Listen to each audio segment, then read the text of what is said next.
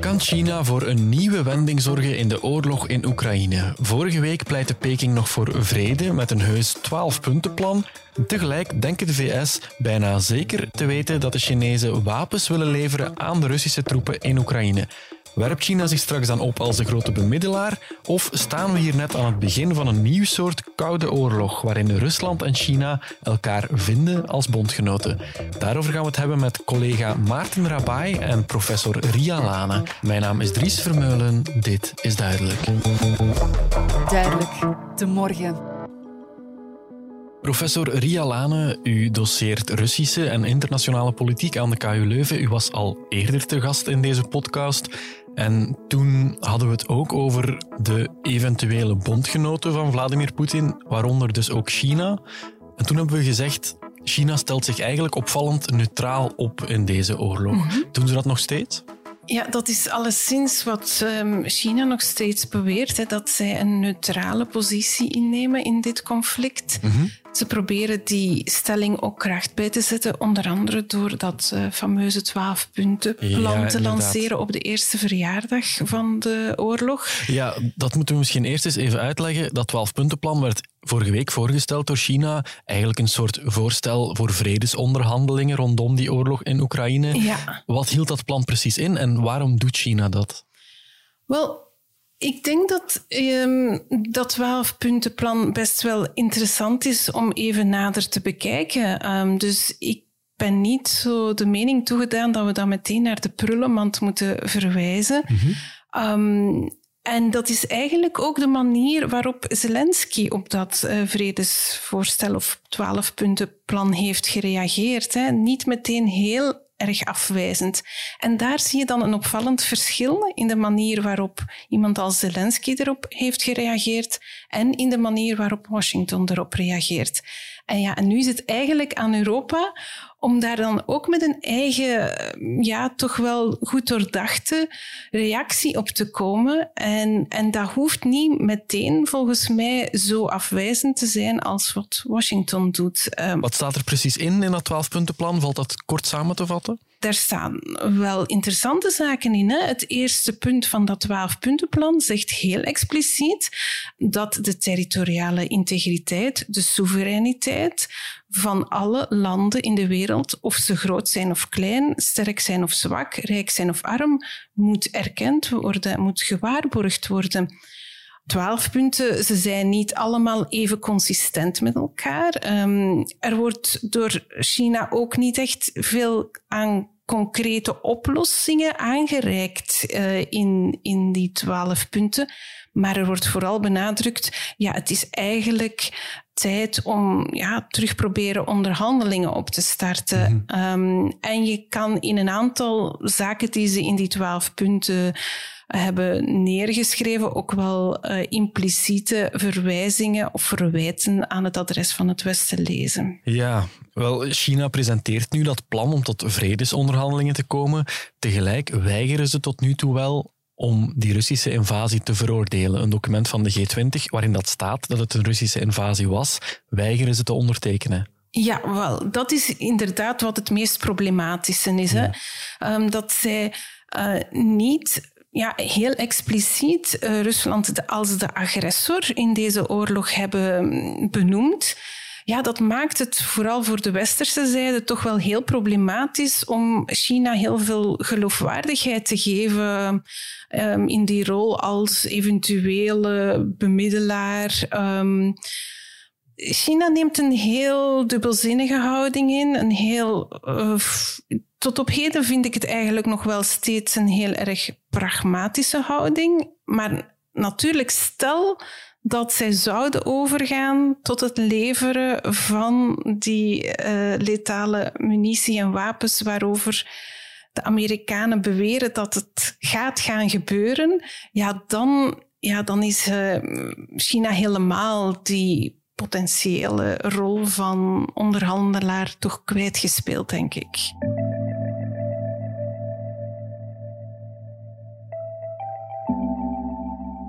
Mean, how confident are you in the intelligence that this is something Xi Jinping himself may change his mind about?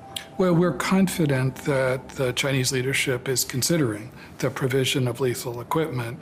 We also don't see that a final decision has been made yet, and we don't see evidence of actual shipments of lethal equipment.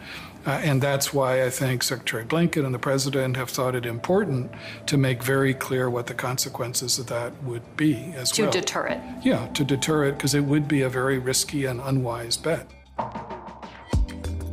Ja, professor, we hoorden het hier. William Burns, de directeur van de CIA, zeggen bij CBS News: We zijn er zo goed als zeker van dat China in elk geval overweegt om zware wapens te gaan leveren aan Russische troepen in Oekraïne. Wat zou het betekenen als ze dat zouden doen?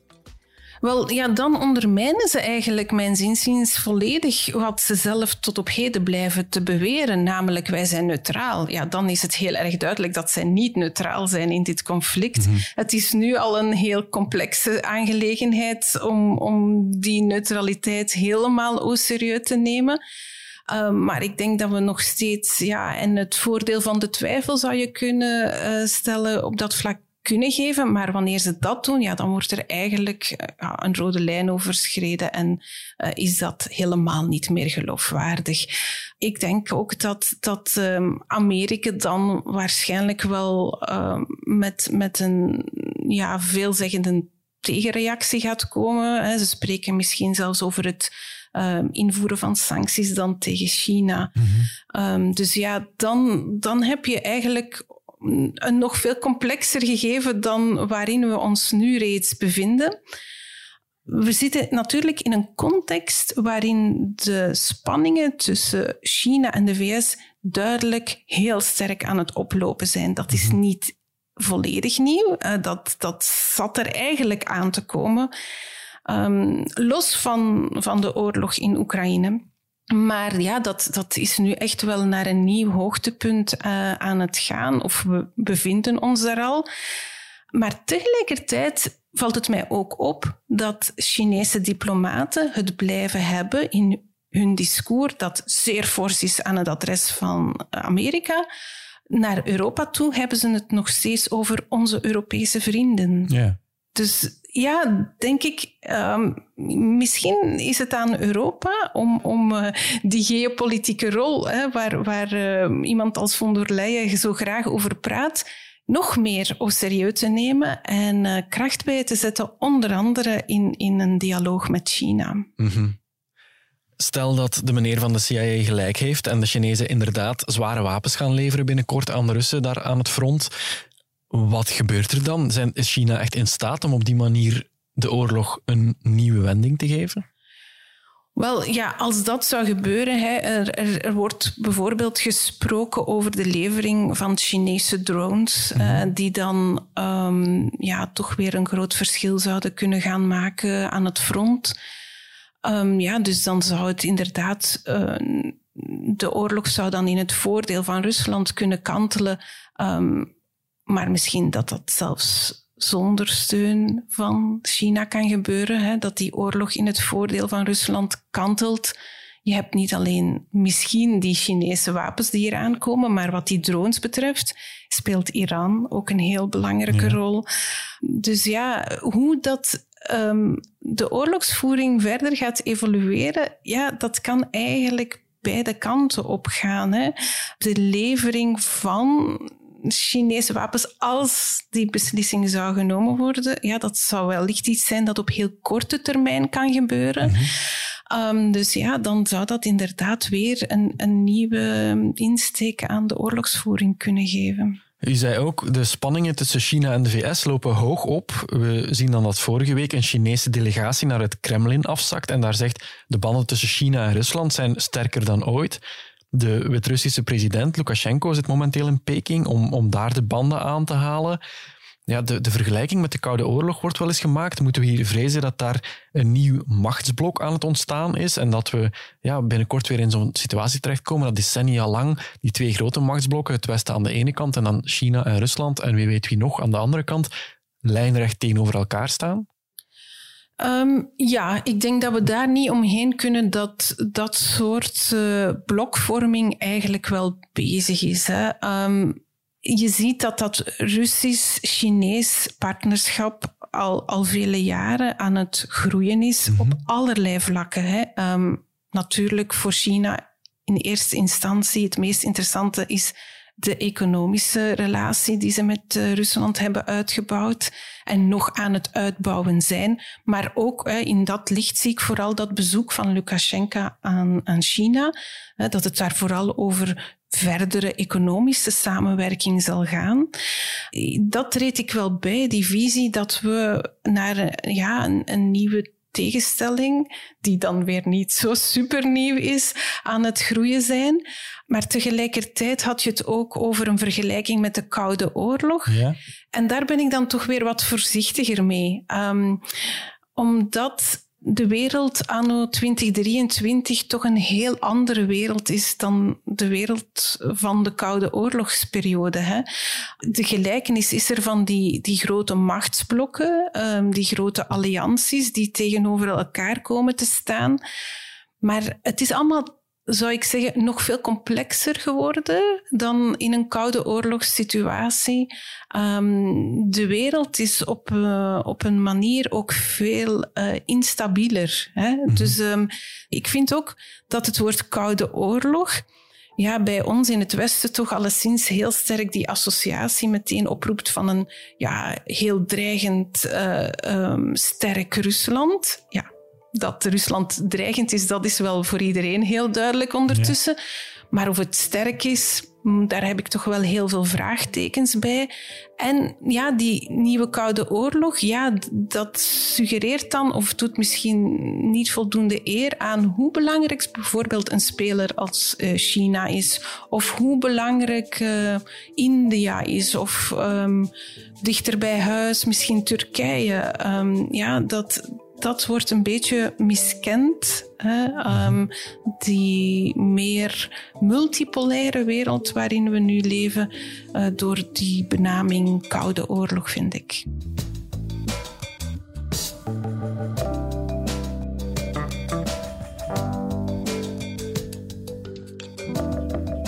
В этой связи вынужден заявить сегодня о том, что Россия приостанавливает свое участие в договоре о стратегических наступательных вооружениях.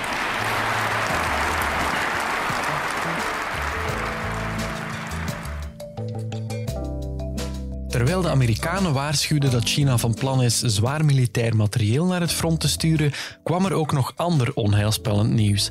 In zijn speech in het Russisch parlement kondigde Vladimir Poetin plots aan dat Rusland het New START-verdrag opschort. Dat is de opvolger van een verdrag dat dateert van bij het uiteenvallen van de Sovjet-Unie in 1991, waarmee de Amerikanen en de Russen afspraken hun tijdens de Koude Oorlog opgebouwde arsenaal nucleaire wapens allebei te gaan inperken. Aan die afspraak komt nu dus mogelijk een einde, zegt de morgenjournalist Maarten Rabai. Het gaat eigenlijk vooral om de, de, operationele wapens die ze op elkaar gericht houden. Ze hadden dat beperkt tot rond de 1600. En heel belangrijk ook, ze hadden ook afgesproken dat ze elkaars uh, wapenvoorraden konden controleren. Dus er waren eigenlijk voortdurend uh, Russen in de VS en Amerikanen in Rusland om die sites van elkaar te controleren. Dat mm -hmm. was een soort maatregel van wederzijds vertrouwen.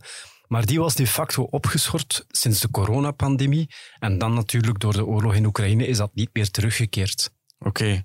Ja, als je zoiets hoort, Rusland schort een afspraak op om, om niet meer kernwapens in gereedheid te brengen. Dat klinkt gevaarlijk, hè?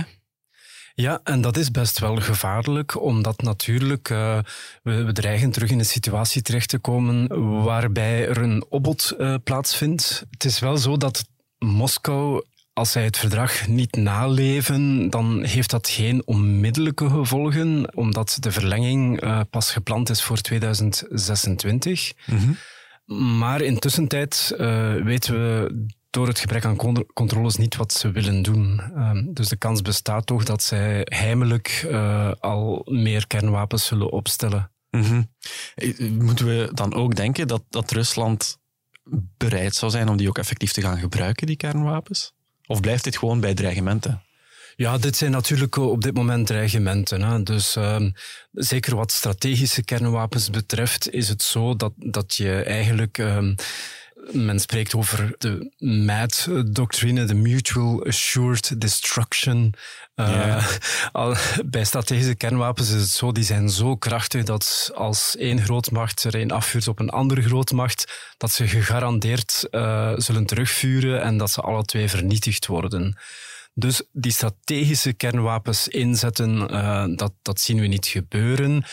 Maar uh, er zijn twee uh, mogelijke gevaren toch. Is, Eén is natuurlijk een accident teelontlading, uh, wat, wat voor lokale radioactieve besmettingen zou kunnen zorgen. Um, die kans groeit hoe meer van die wapens onderweg zijn. Nu, het, het grootste gevaar, denk ik, is dat als we in een nieuw opbod terechtkomen, is dat de, zowel Rusland als de VS in een reactie eh, gaan uh, tactische kernwapens verplaatsen. Dat zijn kleinere kernwapens, die vallen niet onder uh, het nieuwe startverdrag, dat enkel over strategische wapens gaat. Mm -hmm. als, als er tactische kernwapens ja, in een, in een conflict als, als dat van Oekraïne gebruikt zouden worden, dan zou natuurlijk uh, catastrofaal zijn. Hè? Omdat uh, ze zijn wel kleiner, maar ze kunnen nog altijd uh, enorm veel schade veroorzaken, tienduizenden doden veroorzaken. dus daar, daar moeten we toch wel heel beducht voor zijn.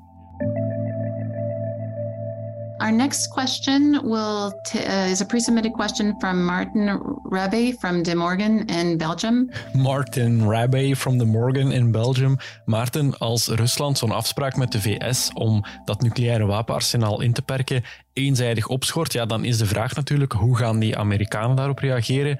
Er was deze week een persconferentie van de Amerikaanse onderminister, geloof ik, van wapenbeheer. Um, jij was daarbij en je hebt die vraag gesteld, hè?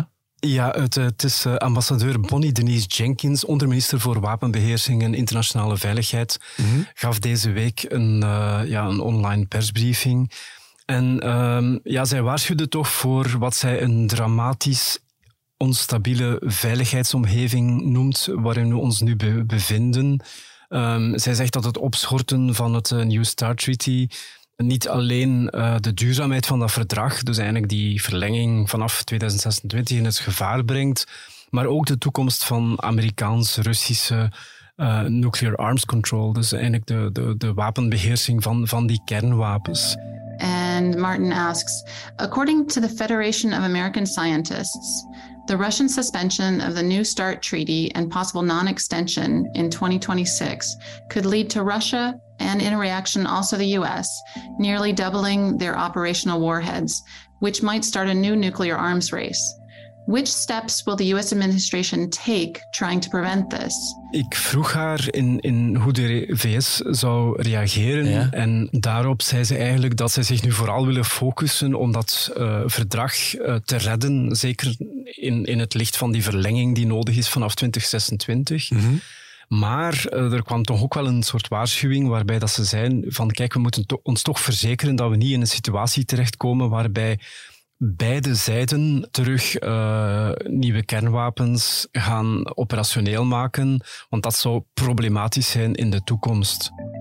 So that's why right now we need to focus on the treaty itself and getting it back on track so that we can do what the treaty is meant to do, which is to um, uh, increase transparency, uh, keep a limit on numbers, make sure that we do not um, get into a situation where you know either side is developing any kind of you know weapons that will be problematic in the future. So je stelde zelf deze week ook in onze kranten de vraag: zijn we hier vertrokken voor een nieuwe nucleaire wapenwetloop? Dat, dat leek iets dat tot het verleden behoorde. Je schrijft: je moet al 50-plusser zijn om je de hoog oplopende spanningen van de Koude Oorlog nog te herinneren.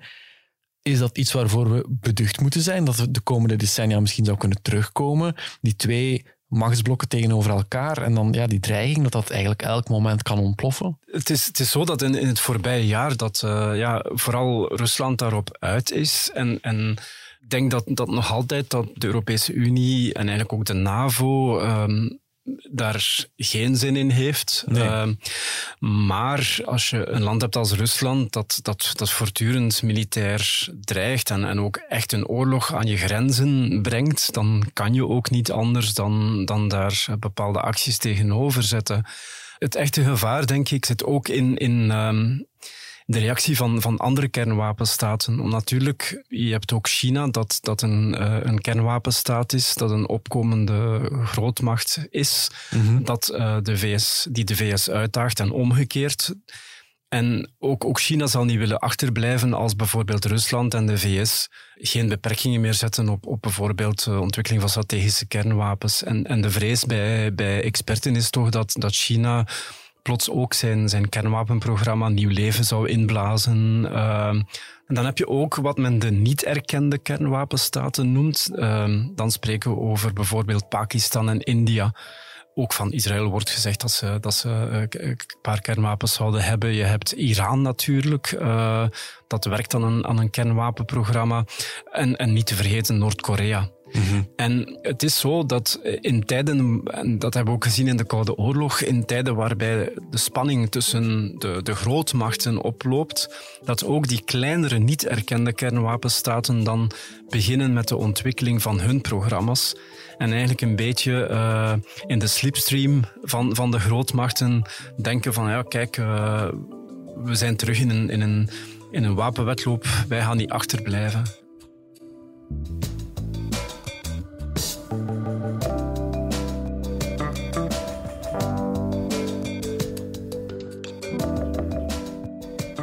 Professor Rialane, Rusland schort dus dat New Start-verdrag op. Experten vrezen dat dat landen als China bijvoorbeeld wel eens zou kunnen inspireren om ook weer meer te gaan investeren in nucleaire wapens. Denkt u dat dat realistisch is? Um, dat is zeker niet uitgesloten dat China het eigen kernwapenprogramma een nieuwe boost gaat geven. Mm maar wanneer we het dan over nucleaire dreiging hebben, vind ik het wel belangrijk om, om toch toch even terug te komen op dat 12-puntenplan. Want dat is een van de punten die heel expliciet in dat plan staat, dat ze zich heel ja, sterk uitspreken tegen het gebruik van nucleaire wapens ook tegen het gebruik van biologische en chemische wapens. En daar op dat vlak ja, heeft China tot op heden in deze oorlog wel een heel belangrijke rol gespeeld, denk ik, in het absoluut duidelijk maken aan het adres van uh, Moskou. Ja, dit is echt iets wat jullie niet moeten overwegen om te doen. Mm ja, tot slot, professor, ziet u een uitweg uit die oorlog in Oekraïne die niet zou inhouden dat die twee grote nieuwe machtsblokken ontstaan? De VS, Europa, de NAVO aan de ene kant en aan de andere kant Rusland, China en misschien nog wel wat andere landen. Ja, is het mogelijk om diplomatiek uit die oorlog te geraken en tegelijk dat soort nieuwe tegenstellingen te vermijden? Goh, me uitspreken over eh, welke uitkomst de oorlog in Oekraïne gaat hebben, vind ik ontzettend moeilijk. hè? Eigenlijk kan niemand dat op dit moment voorspellen. Maar wanneer de vraag dan breder gaat over ja, hoe gaat het dan met die blokvorming zitten, denk ik zelfs dat we kunnen stellen dat dit er zat aan te komen. Los van het feit of er nu een oorlog in Oekraïne was uitgebarsten of niet. Hè dat zag je ook al in, in um, uitspraken van iemand als Biden, die, die eigenlijk heel duidelijk aangaf wanneer hij aantrad als president, ja, het is met China hè, dat we moeten proberen de plooien glad te strijken, een, een, een, een soort werkbare relatie um, uitbouwen. Hè. Dat zou onze nummer één prioriteit moeten zijn. Uh, Poetin heeft zich dan eigenlijk daartussen geworsteld en, en zichzelf uh, heel hoog op de agenda geplaatst tegen wil en dank van, van zowel de Amerikanen, zou ik zeggen, als zelfs van de Chinezen. Ik denk dat ook China echt niet zat te wachten op deze oorlog. En um, dat eigenlijk ook ziet als, als, een, als een verstoring, eh, als, als, als um, een dossier dat ze zo snel mogelijk van de baan willen hebben. En, en het is ook in dat kader dat ik dat 12-puntenplan plaats. Mhm. Ja, die, die, die blokvorming ja, die, die was eigenlijk al begonnen en wordt nu meer uitgesproken. Oké, professor Ria Lane, op deze wat omineuze noot moeten we helaas afsluiten. Uh, ik wil u heel erg bedanken voor uw tijd. Graag gedaan. Ik bedank ook mijn collega Maarten Rabai en u, beste luisteraar, bent uiteraard ook weer heel erg bedankt om te luisteren.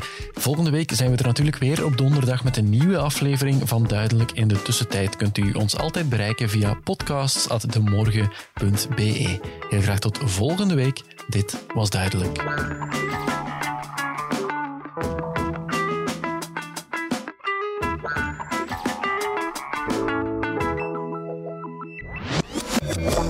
Duidelijk. De morgen.